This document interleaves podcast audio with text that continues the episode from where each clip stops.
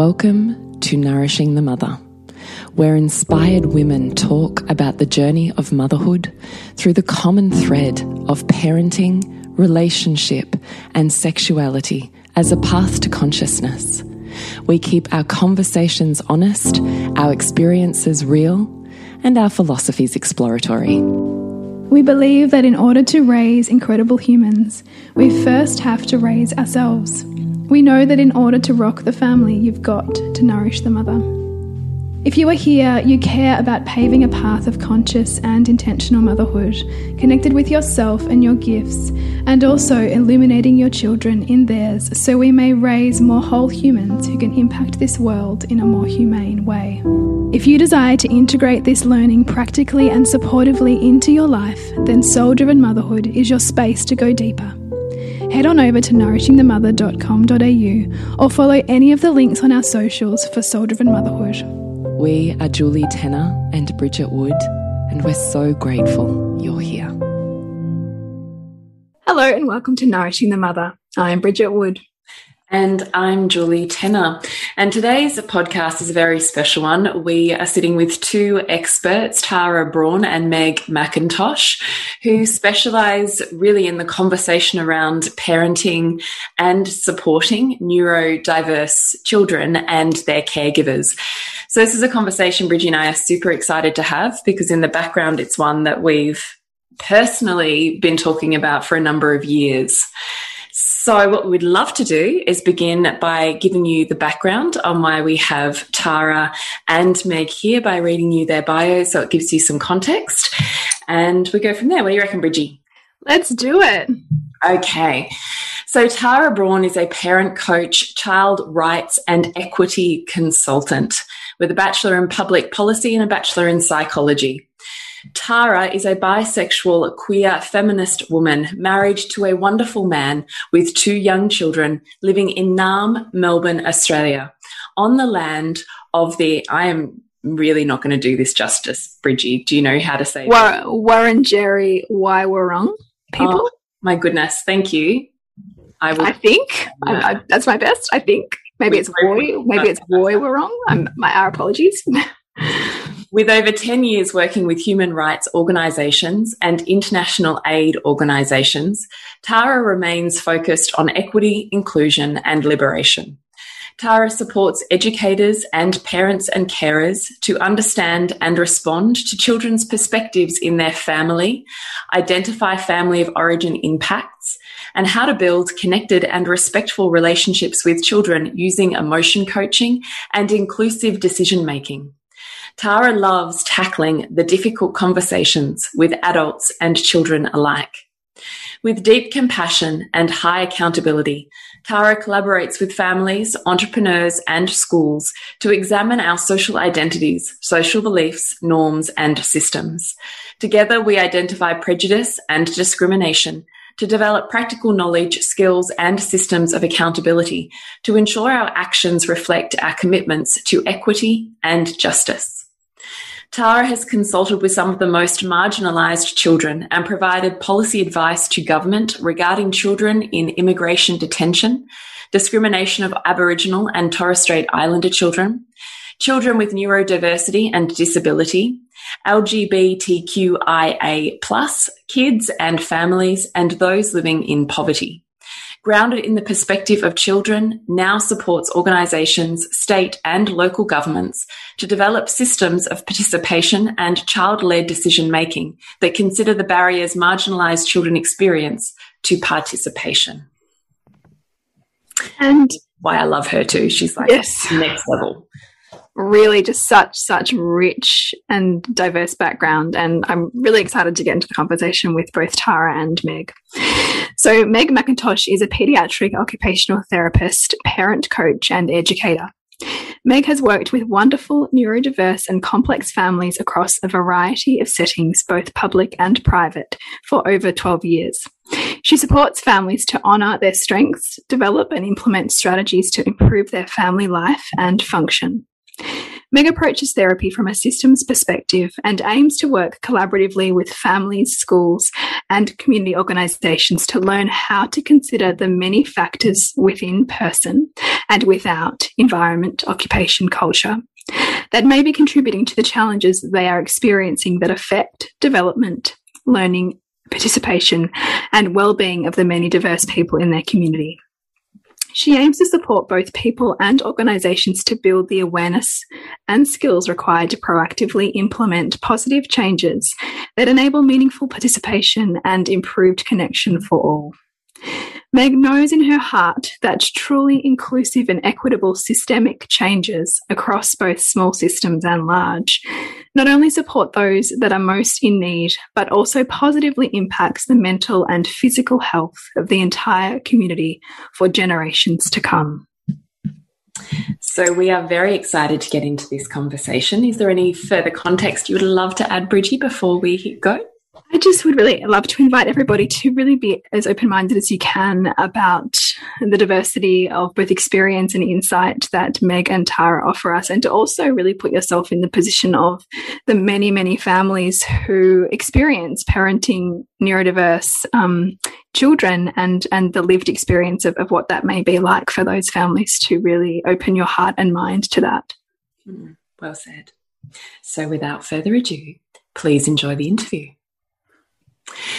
So, welcome, Tara and Meg. What an absolute delight, gift, and pleasure it is to have your presence here with us in this really sacred space, having these really what we feel are sacred conversations, and where we feel it's a deep enriching to what it is that we're offering and putting out in the world here to support all of the women and families and children as they navigate what can sometimes feel like a really hard journey. So I'd really love you both just to say hello to the beautiful listeners. And I would love for you to share that you yourselves are mothers and what has brought you together. Hello, everyone. Uh, and I'm really honored to be streaming into Soul Driven Motherhood for the first podcast, too. Mm. Long time, long time member.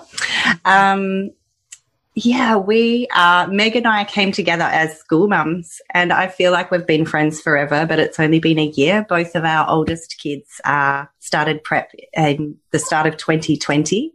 And I think it was actually one of the gifts of COVID was for us. Um, my partner was away for the first six months of the year. So for most of lockdown, all of the first lockdown, and I'd made my goal of 2020 to be to build community because we'd moved here and Esperanza was starting school, my first daughter. And um, so I really tried to reach out with as many mums as possible. And one of them was Meg, um, and it was love at first meeting with our shared passion for child rights, for listening to children, respectful relationship. And then because of COVID, we really lent on each other and were part of each other's bubble in exchanging childcare and just part of each other's support bubble. Yeah. Yeah, it's been really great. Um, how many children do you have, Meg? I have two children, uh, a six and a half year old and a four and three months, four and a quarter. They like to know yeah. really important. Oh no, sorry, my six she's six and three quarters. Oh yeah. Isn't she? Really? Yeah. Yeah. important details when you're six oh. and three quarters detail. She's very into details, Amy, too. Mm. Um, very much the has to know what's going on. Um, and Lucy's, so Amy's my rules follower, logical one, and Lucy is my firecracker. She's mm. she's got personality to boot and will push all the boundaries, all the boundaries. But she's stunning. Yeah, they're gorgeous.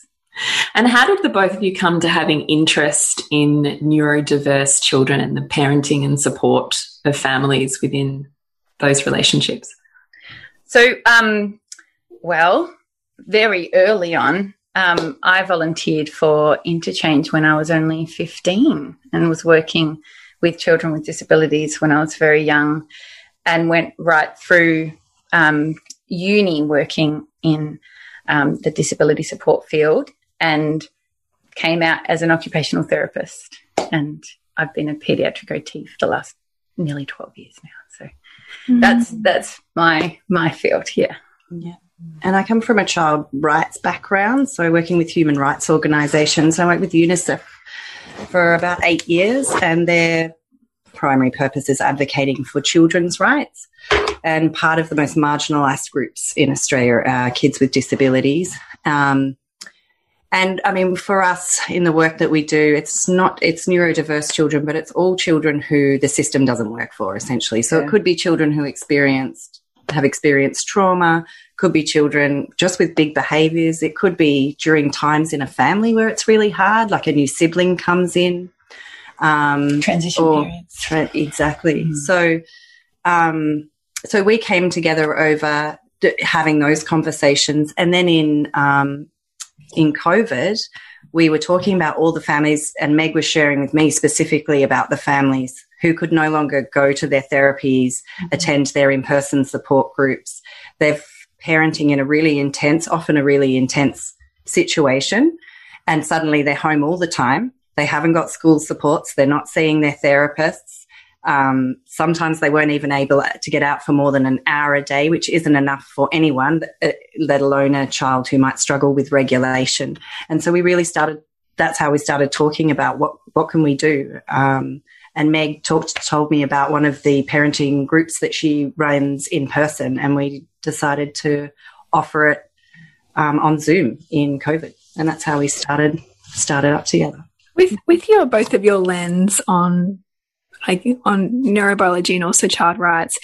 Did you perceive that time, you know, in our experience, particularly in Melbourne, as a time of crisis for families, particularly because, you know, knowing what you know, and we're going to delve into this quite a bit in terms of the additional skills that are required of parents to meet the needs of, of diverse kids, you would have looked at this scenario and thought, wow, like, what can we do here? Was that really a sense be, for both of you, not only for your own families, but also how do we bring together these skills that we know that we've got to support these families who are no doubt struggling without the therapies that keep them going? Yeah. Yeah. Um, yes, I think what it really brought up for me in still having a lot of contact with um, families I work with and stuff is that it really some fa- for some families, it was a relief. Mm. And um, the pull right back into their own little bubble and just focusing on that relationship and connection actually worked wonders mm. for their little people who are normally stimulated and overwhelmed. And then for some people, they lost all the support that gave them any sort of a break and they floundered. So it really, I think it really was a very personal thing in that mm. respect. Um, but it really brought to the forefront something I've been thinking about a lot recently is that I think that a lot of our um, our therapy system, although we're trained a bit differently from the medical system in terms of trying to be client centered and really building independence, it's set up in in a very medical way where you are booked in. There's a problem so you're booked in for this therapist to fix it for you. Not in those they try and they use we use different terms but it's very much the way it feels i think. Mm. um, and i think what this really highlighted for me is that what we really need are therapists that are really trying to skill the people up the parents up to feel really confident with their own kids mm-hmm. um, and make ourselves redundant. And a lot of, of us talk this way, but we don't actually walk the walk. Um, and it really, yeah, that, that leaves people floundering in terms of crisis if they don't really feel confident. And also just the acknowledgement that when I see someone I like, I, I mean, I love kids. I've got a lot of skills with kids. I can make a really fun session. Like my sessions are excellent. They love them. I can make a great session where they're doing all the things that they should do to develop really well and develop core strength and endurance and their handwriting or regulate and have fun with me. And I can emotion coach them and all that sort of stuff. But that hour a week or hour a fortnight isn't going to make the difference that yeah. parents every moment of every day and the people who are they're in relationship are going to make. Like it's really not. It's really not. Um, so I guess that's where it was. And I had one. I had a client who came through that with me, who was floundering before lockdown, and in between when I got to see a little snippet of them, we had a humongous meltdown because he was so anxious mm with mum, and she was just terrified. And we had a discussion about how terrified she is of his huge anger. And I said, come, come to this group. Let's work on this together. This, how do, how we manage his emotions because you're really struggling with this. And we did that during lockdown. And then they came back for some other support after it's all finished. And I have never seen this kid more relaxed because mum, mum's whole affect has changed because she's feeling really confident and connected. And it's just like, it's just huge. Hmm. Yeah, I really feel that one. I want to celebrate you both in that. That's really, it's so powerful and impactful. Mm. I think it's one of the like most, um, is it, it's like this, we do like around six to eight weeks, but the parents coming back and saying it's transformed, like learning, getting into the meat of the actual practice of what it is to sit with emotions mm. because you know you can read the books you can listen to the things but when you're in an intense parenting environment where you might be still experiencing the meltdowns of a of a 2 or 3 year old 10 years in or whatever your experience might be but it's intense a lot more often for a lot longer yeah. You've had to just sustain the level of intensity of early childhood for a much, much longer time. Um, and it, it's in the practice and the art of being like, what we can work on is like you tell us what happened and we can reflect back to you what we hear and we can practice like we actually do role plays which can terrify people but we we make it really safe and you know we give some good performances don't we yeah. role plays but where we can really show this is, I'll be the kid, I'll be the kid, or you be the kid and I'll be the parent and show you where, what, what we could have done. And then that, let's look at what happened inside your body, right? Like what happened to you and why is, you know, for you, which is a lot of what, what you ladies do as well. Like uh, why for you is the anger really hard and part, your partner, the sadness is really hard. And how are we going to soothe those? What are the things you need to be saying to yourself? all the time to help. And that work of changing that, changing the dialogue inside someone's mind as they're parenting, and then giving them really practical skills and where we really work on because you can think you've got it, you know, you feel like you've got it, but it's like, but when you've got someone reflecting it back to you, and by the last groups, the other parents are feeding back to each other as well. Like it's a collaborative space by the end mm -hmm. of the course. Um, um, can really help people just get into the nuance of where they fall up. Like, do they jump to problem solving mm. too early, or are they just a person who holds tension in their body because they're waiting for it to come? So we can help people figure out that that thing. And that transformation can change. Like that, uh, like nearly most of the feedback we get, you know, they come for one child or two children with often with diagnoses or a particular trauma or from foster care or what, whatever the thing might be. I mean, like, this has transformed all our relationships because suddenly you're able to engage in that emotion coaching differently and better than any kind of, you know, fortnightly meeting with a, an awesome time and an awesome professional and Meg's, you know, one of the best, but you're with them for an hour out of two weeks. And if the rest of the time they're in a house of really high tension and then they're going to school and they're not able to work within the school system, then there's no amount of supports that can bolster that. Well, I think part of the problem is a lot of the time we're working on cognitive supports. Mm. So we're trying to teach the child cognitively to manage their emotion and really they're not there. They're down way down yeah. here. They're down in their bodies and mm. and and in the brainstem and so like they'll learn all about say the zones of regulation and be able to tell you all about it. But in the moment mm. it's it's not connected. It's not connected. They can't then just get themselves back in the green zone. Mm. so um, beautiful distinction Mm. Yeah. So uh, that's where sort of I have like a little bit of a problem with psychologists seeing kids by themselves. Yeah. Yeah. Yeah. What are they doing really? Adults Especially find it hard enough to change that stuff cognitively. Well, and that, that's the interesting thing. I mean, we see so much more of it. There's quite an explosion of, um, you know, emotional literacy and, and, you know, different kinds of models like, you know, the traffic lights and the colors and these things that they teach in early childhood. But, but again, if it's not supported with, you know, modeling and in the body mapping as well, I, then it's, it doesn't really seem to be, kind of seems a little bit like lip service to something that's much bigger and needs much more embodiment, I suppose, well beyond, you know, basic teachings to children. I love that embodiment phrase because that's exactly where it, because even with parents that we work with that are, or teachers that think we've, and we've given feedback at our own school, um, that feel like they're doing it because they're saying the words Mm. and they're following the thing, but their body is like, you know, and the kid, Yeah. as you know, as you know, the, mm. bo- the child's reading the energetic state of the pa- especially your parent who you rely on for your very survival. You're mm. they're they are wired to to listen to every mm. message your body is sending out far more than your words. So if we can't get into our own state our own state of regulation and connection or just yeah.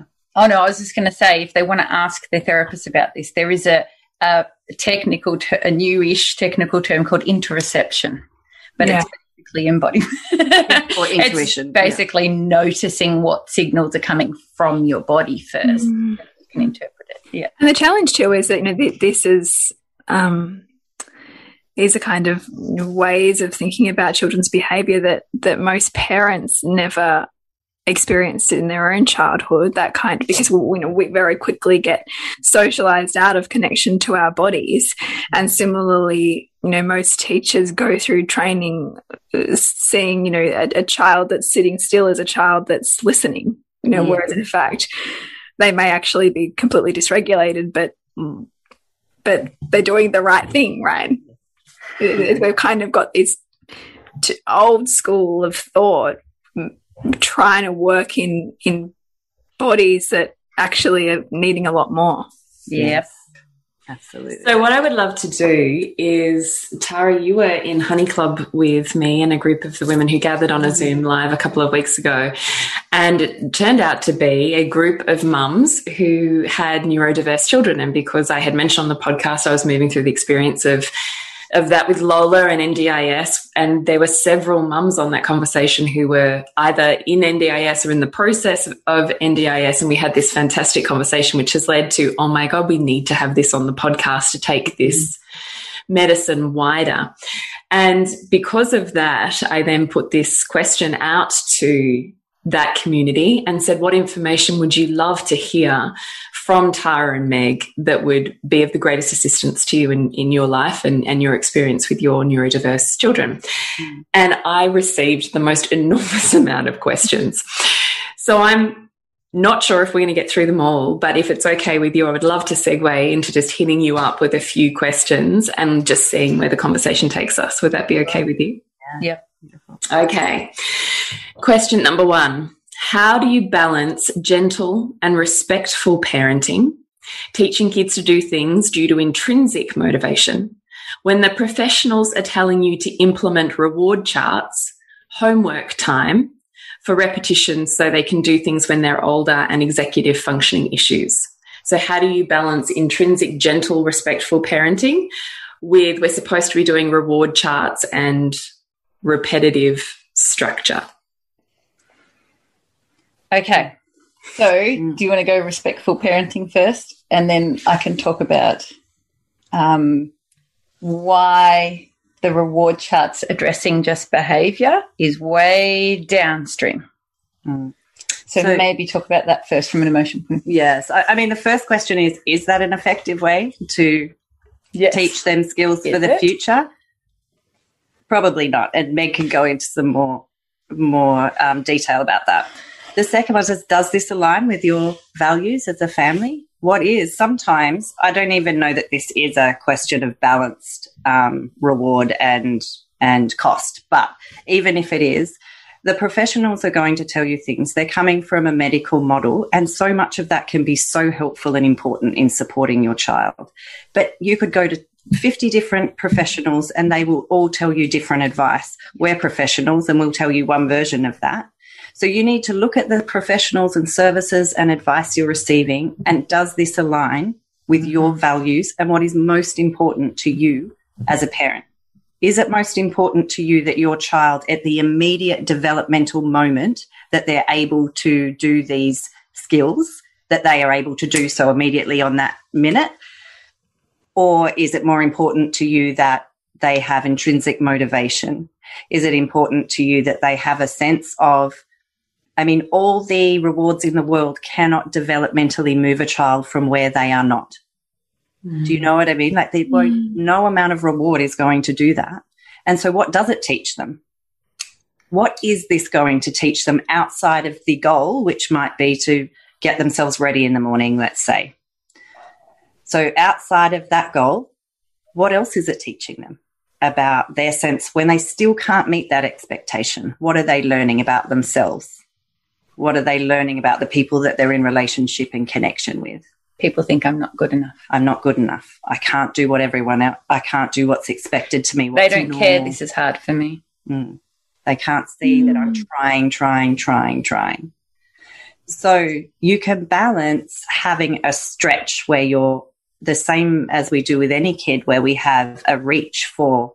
We want them to be reaching for particular goals, or we want to be help supporting them to develop particular skills. But they've got to be developmentally appropriate you could get a kid to conform with some things some of the time, but they're not going to be do it, be able to do it all the time if they're not developmentally there. And the rest of the time, we're teaching them something else about who they are and who we are in relationship mm. with them. And we're teaching them to ignore their inner sense as well, which is the ba- the um, the same with any kid that we're using extrinsic and intrinsic rewards. It doesn't mean there's never a space for them. Um, but as in general, do you want it to be part of your, does it align with your values to have it a, a part of a daily thing for you to help them achieve these things that they're not quite ready for? And if the answer is no, it's okay to say, thank you. That doesn't work for our family but we won't, you know, we're not going to be, or if you're more comfortable with nodding along and then going home and doing what you'd like to do, you know, we, we don't have to, I think we're so socialized to particularly in the medical system, to, you know, do what the professionals tell us we have to do. And especially when we're coming from a fear place of like, God, if I don't help my kid to get as far as they can go, especially if we, if they've got additional um, challenges in other contexts at school, etc., they're falling behind, and we're thinking, I've got to help my kid get as far ahead as I can. Um, and we're coming from that fear, then it, it, of course we want to go to a professional and say, tell me what to do. How can I help this kid? And then want to do it all. But like I said, that you could receive so many different versions of that advice. And you've got to find the stuff that aligns with you and your values and what the most important lessons you want for your child are. And if that professional's advice doesn't fit with that, it's okay when it comes to behavioral stuff to say, no, thank you. Or, yeah, it does align with what I want, and that's okay too. And it's okay to use those things. Like how I balance it is, say, even with, um, you know, I don't like neurotypical kids or kids who are meeting expectations a bit easier. Um, you know, I wouldn't do that with them, but you know, like for example, my daughter at some point, she, I think she wants to stop biting her nails. So I might use like go, okay, well, let's try this. And maybe at the end of a month, you'll get a special reward. If we can, like, I might use it that way if it's something that she is already motivated to do and just needs a little bit of extra motivation or a reminder for herself. And so, I mean, that's not going to hurt her. It's in collaboration with her. The I think the problem with a lot of behavioral systems is it's put on top of. And it also often doesn't account for what where the lagging skills are or what the cause of the difficulties are, the difficulties meeting expectations. So I would say I come from the lens that if a kid isn't able to meet your expectations, it's because they don't have the skills to meet your expectations at the moment. Mm. It's not a deliberate thing. It's not that they're not motivated because you'll see even with the kids who have the most difficulties, there are some things they love doing and they're highly motivated to do that they have the skills to do. So it's there. Their intrinsic motivation is there for those things. It's not there for those things that they find incredibly challenging. Um, executive functioning does not improve like if, if your goal is to improve executive functioning, it does not improve by putting in place reward charts. Because executive function encompasses a hell of a lot of skills. But the ones people get stuck on is that planning and organizing yourself through time. Mm. I think that's what often people boil it down to. Can mm. they follow multiple step instructions? Can they, when they get a task, initiate and follow it through to it finishes. That's often what that is an executive, a piece of executive function, but it's not the whole big picture. But even if we're thinking about that particular piece, from what needs to happen inside your brain, like it's a developmental skill that develops as children age, and it's only really fully developed by the, when they're about 25. So it, it, it it changes over their time and their development. And if they're delayed in that, what's happening from that perspective is that they're having difficulty picturing the outcome, being able to work backwards in their head and mind mind, imagine what that task is going to entail in their head so that they've got a picture of what's going to happen and how they're going to do it before they actually even initiate doing it. So if I tell you, so I've got an example of a 12 year old girl who came to me with, um, she has diagnosis, she's an autistic girl with um, diagnosis of ADHD. ADHD. Children with ADHD tend to have a 30% delay in um, executive function skills. And this kid, she's beautiful. She's got so many talents, but she couldn't get in the car and put her seatbelt on by herself without prompting. And even with, like, her mum would sit in the front, go, Oh, Max, her brother, you know, um, oh, Max, I love the way you're sitting there with your seatbelt on and you're all ready to go. And she'd do all this like prompting, Marley, have you forgotten anything? What do you think? Have you thought about what might be on your butt? Like she'd do all this prompting and had done for years. And still, most of the time, she couldn't put her own seatbelt on when she went out the car. So when we were talking about an executive function piece, what we were talking about is we need to get her to picture it and think about it before she gets there. So what they started doing was when they stopped at the door, at the front door to their house to go out to the car, mum would talk her through. So let's think about it. What are you going to look like when you're sitting in that car? Oh, I have my phone with me and headphones. She doesn't like the noise. She's overstimulated by the noise. So she'd have she'd have her tools to help her regulate in there. And like, what else? Where will your feet be? They'll be sitting on the floor. Where will you be sitting? Behind the driver's seat. What else will be on your body? And they'd picture it all in their head first, right? And then go and do it. And then after a couple of months of doing that, she now pretty much does it without anyone saying it 90% of the time. Mm. Right? because they taught her brain the skill of what it, I had another mum who um she, she has three children with um who who are autistic and um she had always used a visual schedule for the morning and it had been really useful for them. Like it worked beautifully but she'd set it all up and they had to follow their visual schedule to get ready in the morning. Beautiful. You take away the visual schedule they had no idea. So what we had to change that was, and we had to grade it because it was a lot of tasks. So we had to start with bits and pieces, but so they had to arrange their own visual schedule. So they had to picture what they had to do in their head, what they would look like when they were getting ready, standing at the door ready to go to school, and then put the pictures in order of what they had to do for that end product, which is being ready to go to school.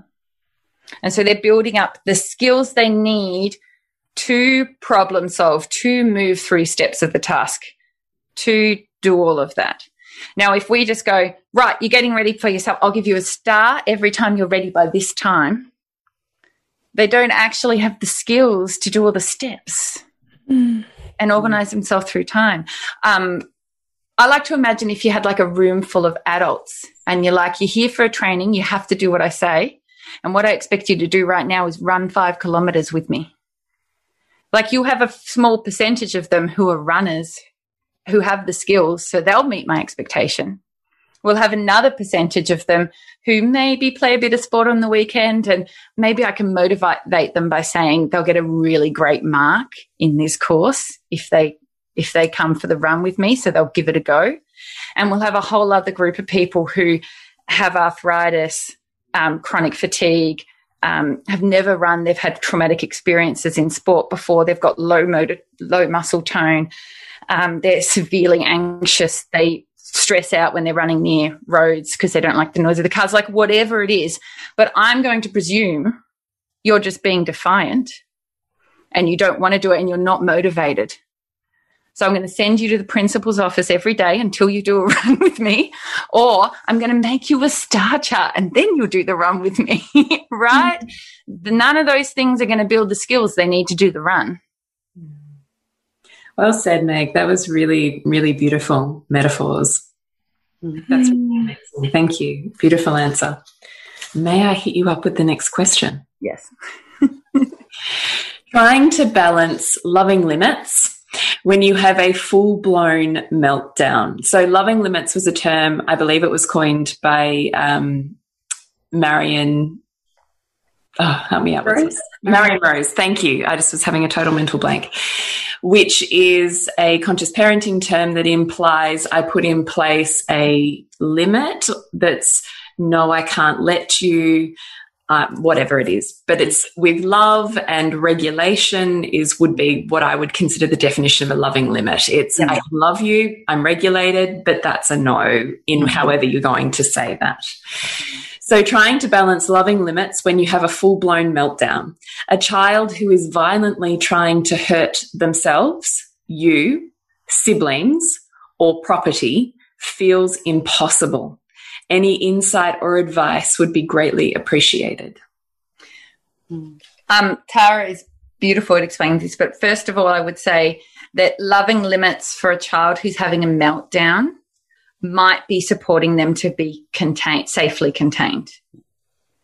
Because they can't do it themselves at the moment. They have completely flipped their lid. They have no access to their prefrontal cortex. All you can do is find the things, whether that's space, whether that's holding, whether it's minimum restraint, whatever, however you want to do it in a way that's still respectful for them. But they are out of control. Mm. And we need to protect the people around us. Or them. And yeah. we need to protect them as well. So it's that minimum force. So we talk, mm. I talk about minimum force to hold safety. And in that situation where there's violence on themselves or someone else or property, it's just minimal, the minimum amount. So even in a physical hold, it's um, it's holding them firmly while they're really kicking, hitting, doing whatever the thing is, wrapping legs around if needed. But you're not being punitive. So it's still maintaining, mm. it's still focusing usually if you're in kids in a full meltdown, you should be putting 90% of your energy into your own regulation. He's doing the best he can. He's doing the best he can. He's, he is suffering. And this is the only way he has to show me mm-hmm. I can hold this. I can hold this. And whatever the scripts you might need in your head, whatever you need to regulate, you tell yourself to help you regulate. That's where you're putting all your energy. And then when it starts to shift, when you start to feel them settle a little, you might loosen your arms a little, extend your arms out, still keep the container around them, but you might loosen your arms a bit. So it's just the that your own you're using the minimum amount that you need to to keep things safe. And as that settles, or if it's not as extreme, you might be able to sit outside the room or next to them, depending on what they want.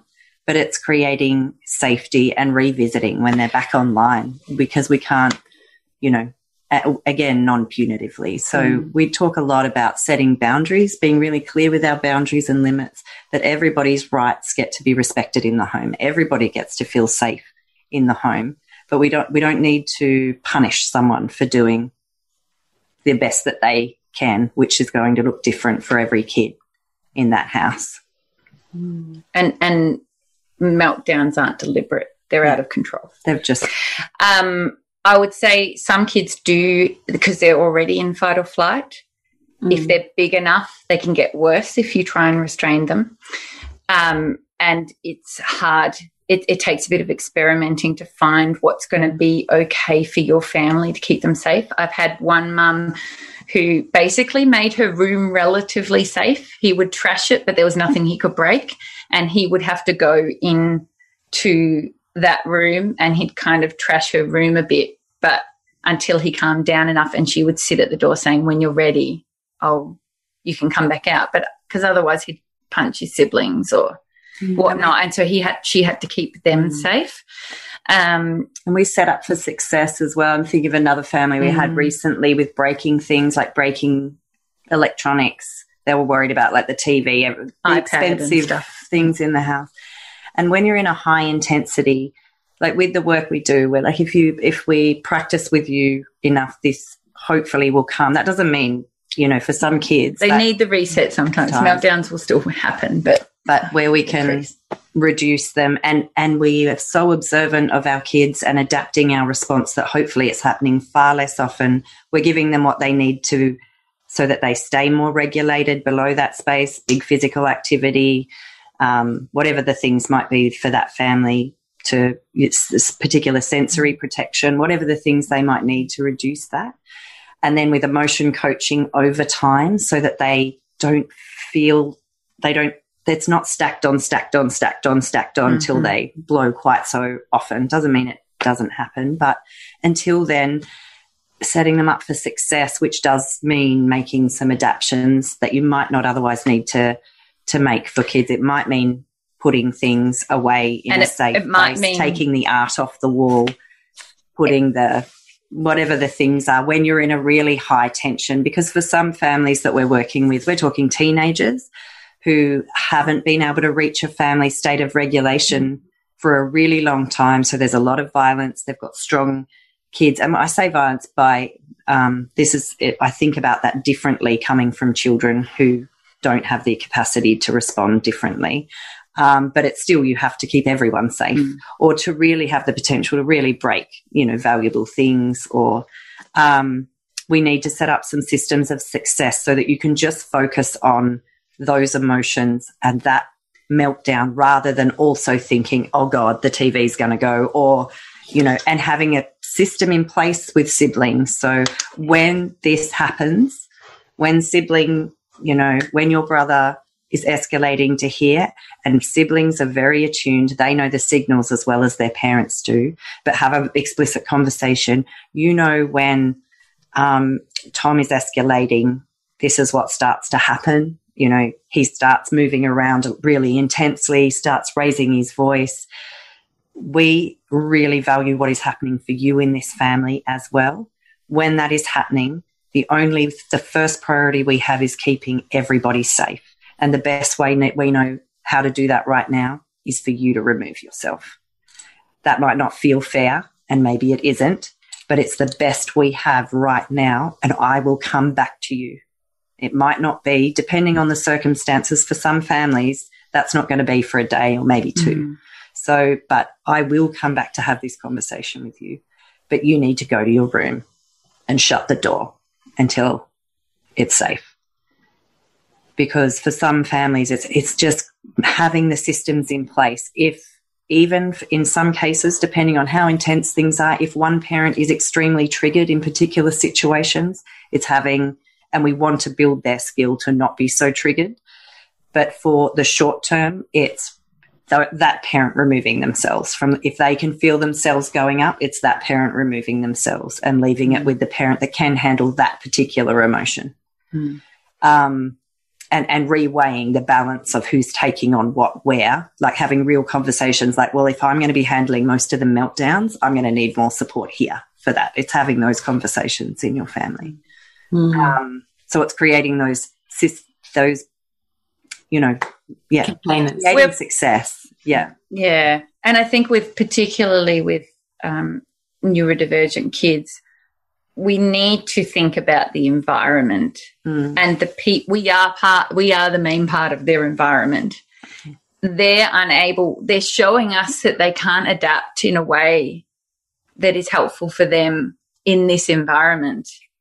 So who are we to like just keep it the same and keep asking them to do the adaptation like it's really it's a it's a two-way thing um, and and we need to make sure we're we're conscious of that where we can. There'll be some things we don't want to change because they're our values and our boundaries. And but if you're if you can very be very conscious in how you think about it, is this something that I have to keep because that's for my well being, or is it something that I'm just holding on to because um, because I feel like something society has told me that I'm a bad parent if I don't it's too do this to, or I do yeah. this or whatever it is. Like it is yeah and and being really being okay with making those decisions for yourself because we're all individuals around that too. Mm-hmm. and we know our children's best of all like you know you truly do. Like no expert is going to know your kids not experts professionals going to really know your kids not the way you do yeah all right next question when you have a child who doesn't stop and doesn't understand independent play is constantly verbal, noisy, I don't know, stimming. Noisily stimming. Is that a word? Yes. Yeah. Yeah. Stimming. What does that mean? Well, it's kind of, it's a bit of a, uh, a, a word that the neurodiverse community are railing up against. It's basically when um, neurodivergent or autistic people are like doing it was just like developed when they were saying doing movements or things that weren't functional. Like, you know, oh. they might make noises with their mouths and stuff. Um, whereas, like, um, ultimately, it does serve a function. It is helping them to regulate. It's got a function for them. Mm.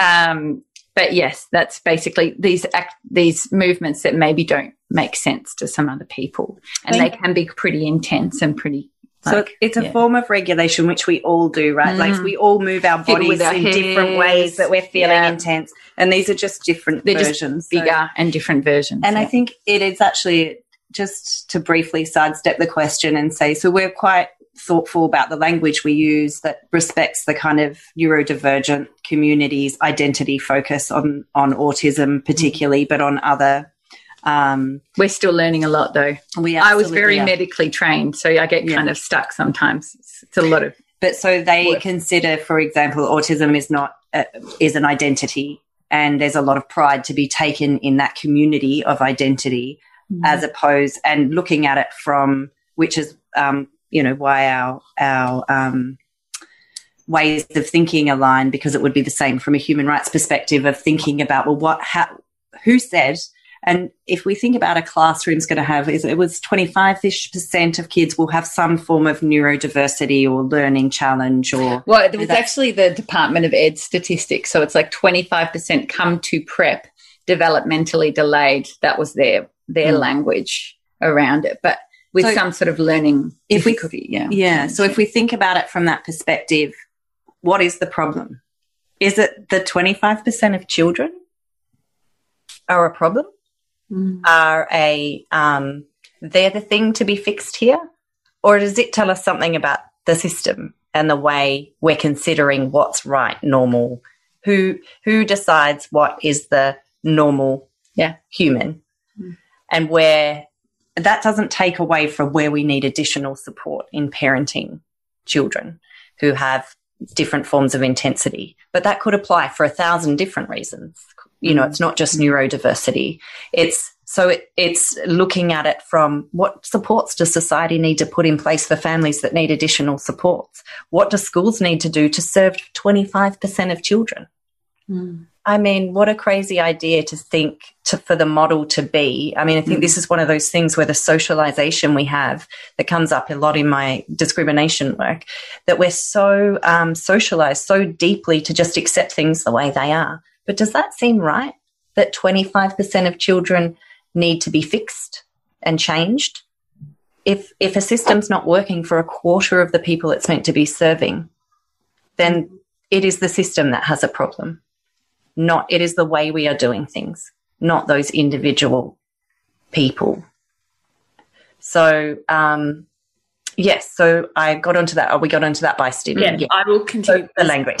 Sorry, no, I really appreciate the sidestep into language because I think it's really important for all of us to learn what's possible and what's available and and how to be able to consciously ask ourselves and consciously critique our own language and the way in which we're viewing and, and perceiving the world doesn't happen until we witness that there's a larger perspective so i really appreciate yeah. these conversations mm. So when you have a child who doesn't stop and doesn't understand independent play, is constantly verbally or noisily stimming, you're trying to do all the life things, it can feel so consuming. One, self care feels impossible. Two, I'm aware of my tone of voice and my reactions becoming his inner voice. But some days it just gets too much. Any advice in how to balance co regulation? And I'm going to add into that self care perhaps mm. as well in this mm. conversation. oh, yeah. I know. Intense. It's so intense. Oh. I feel you. And just like to acknowledge, like, I, I can't tell you how many times, and we do our Zoom groups in the evening, like at this time, eight o'clock at night, and we both get on the call at 10 to 8. And sometimes the kids are still, and we're like, oh, God, I'm so tired. And then by the end of the call, we're just like so invigorated and like the deepest, deepest respect and regard and just admiration for these parents who, man, like, you know, it is. We actually don't know, do we? Like, I actually don't think people who are not experiencing this get it. No. No. And because it's not even as well, right? It's not just what you're parenting today. It's the idea you don't know how long that level of support is going to be required from you. Mm. Right? Or has already been for yes. how many years? Yes. Yeah. yeah. I even had this conversation with my husband today and I said to him, like, you know, those times where we just feel just completely stretched in our capacity for parenting mm. and our kids are largely what, you know, we would term, you know, in those inverted commas, neurotypical. Mm. And sometimes I'm exhausted. Like, we cannot begin to imagine the lived experience of what we're talking about here. So that's why I'm so infinitely grateful that we have you both on the podcast to be able to share this and also offer this kind of resource and capacity to see the parents doing this work because I don't think we see it enough. Yeah. And give it the reverence that it deserves. I mean, that in and of itself is, a, is an interesting con conversation. What do you two think about that in terms of it being the families and caregivers of of these children are largely invisibilized in their entire experience and dare I say existence. Like, I mean, what do you even think about that? yeah. It's intense, isn't it? Um, I, I want to quickly respond to a few of the practicalities based on what some parents have told me.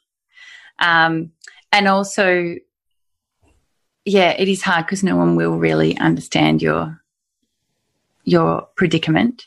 Um, I apologize to all my clients after I had kids and four years of sleep deprivation. um, so one of them about 10 years, uh, like on and off, they kind of came when they needed something and then went, um, and came back and, and I said, I'm so sorry. I used to give you lists of shit to do. why did you, what, why did you even take them?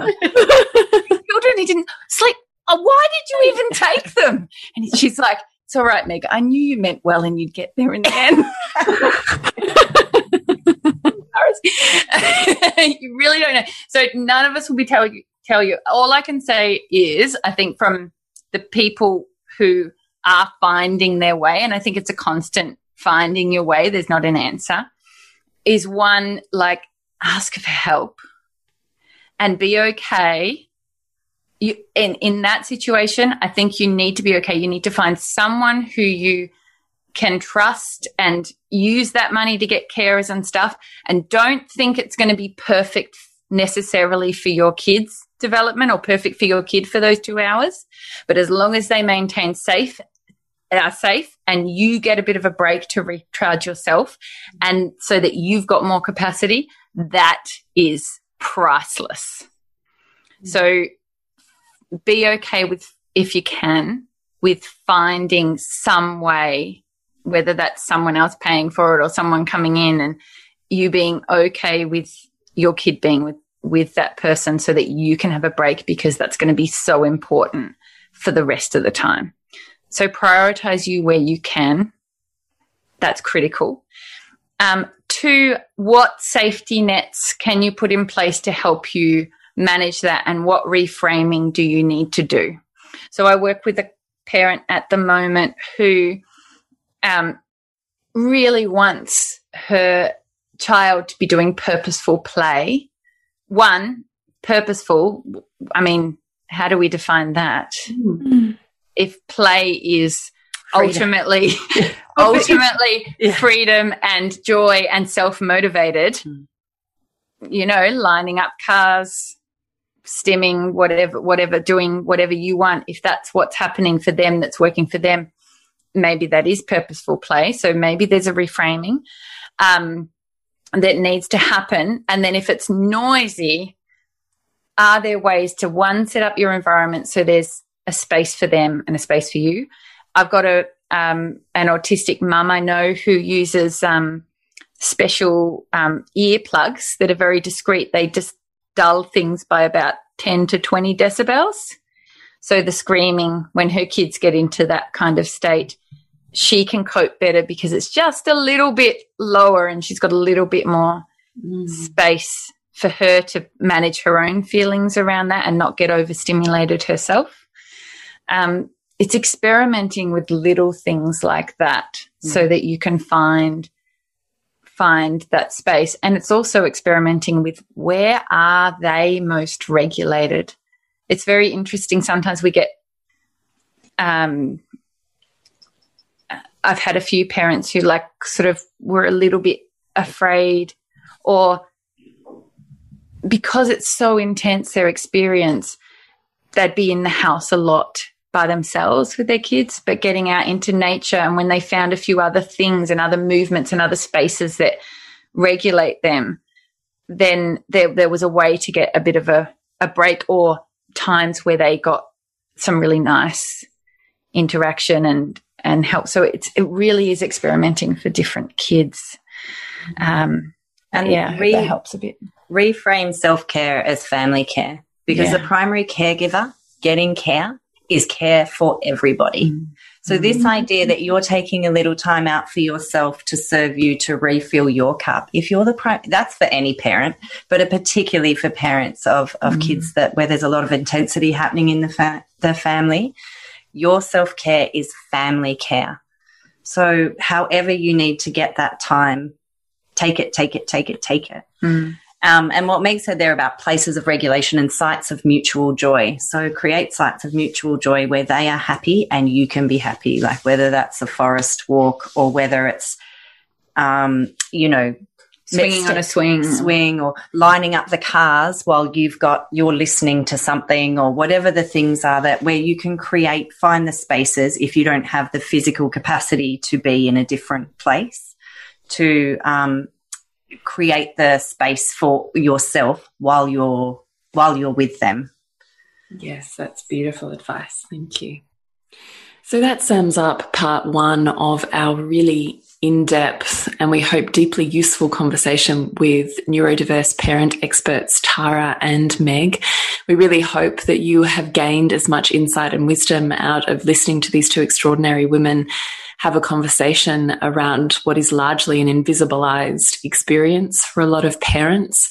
We hope if you yourself resonated with some of the discussions or the experiences that we shed light upon, that you felt deeply met, seen, heard, and held in that experience, and that you recognize there's support networks and places for you to go. Please touch base with Meg and Tara to support and facilitate your journey through what is a deeply challenging experience, both individually and collectively within the family unit, and certainly within our social structures and systems at large.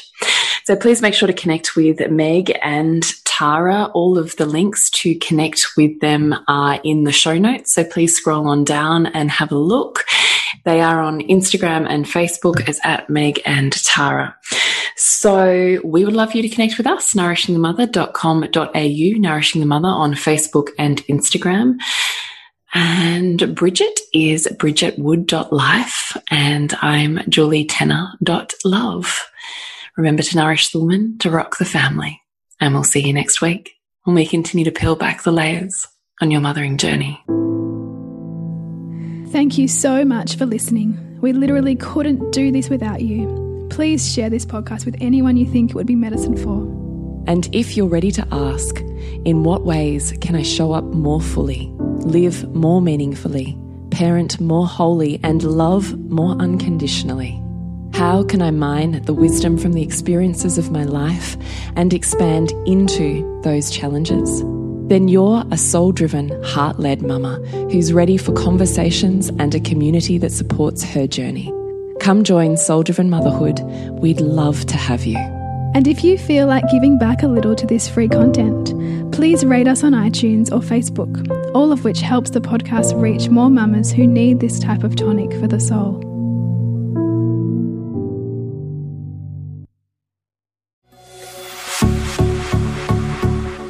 This has been a production of TheWellnessCouch.com. Check us out on Facebook and join in the conversation on Facebook.com forward slash The Wellness Couch. Subscribe to each show on iTunes and check us out on Twitter. The Wellness Couch, streaming wellness into your lives. Whilst the Wellness Couch presenter endeavor to provide accurate and helpful information to their listeners, these podcasts cannot take into account individual circumstances and are not intended to be a substitute for health and medical advice from a qualified health professional. You should always seek the advice of a qualified health professional before acting on any of the information provided by any of the Wellness Couch podcasts.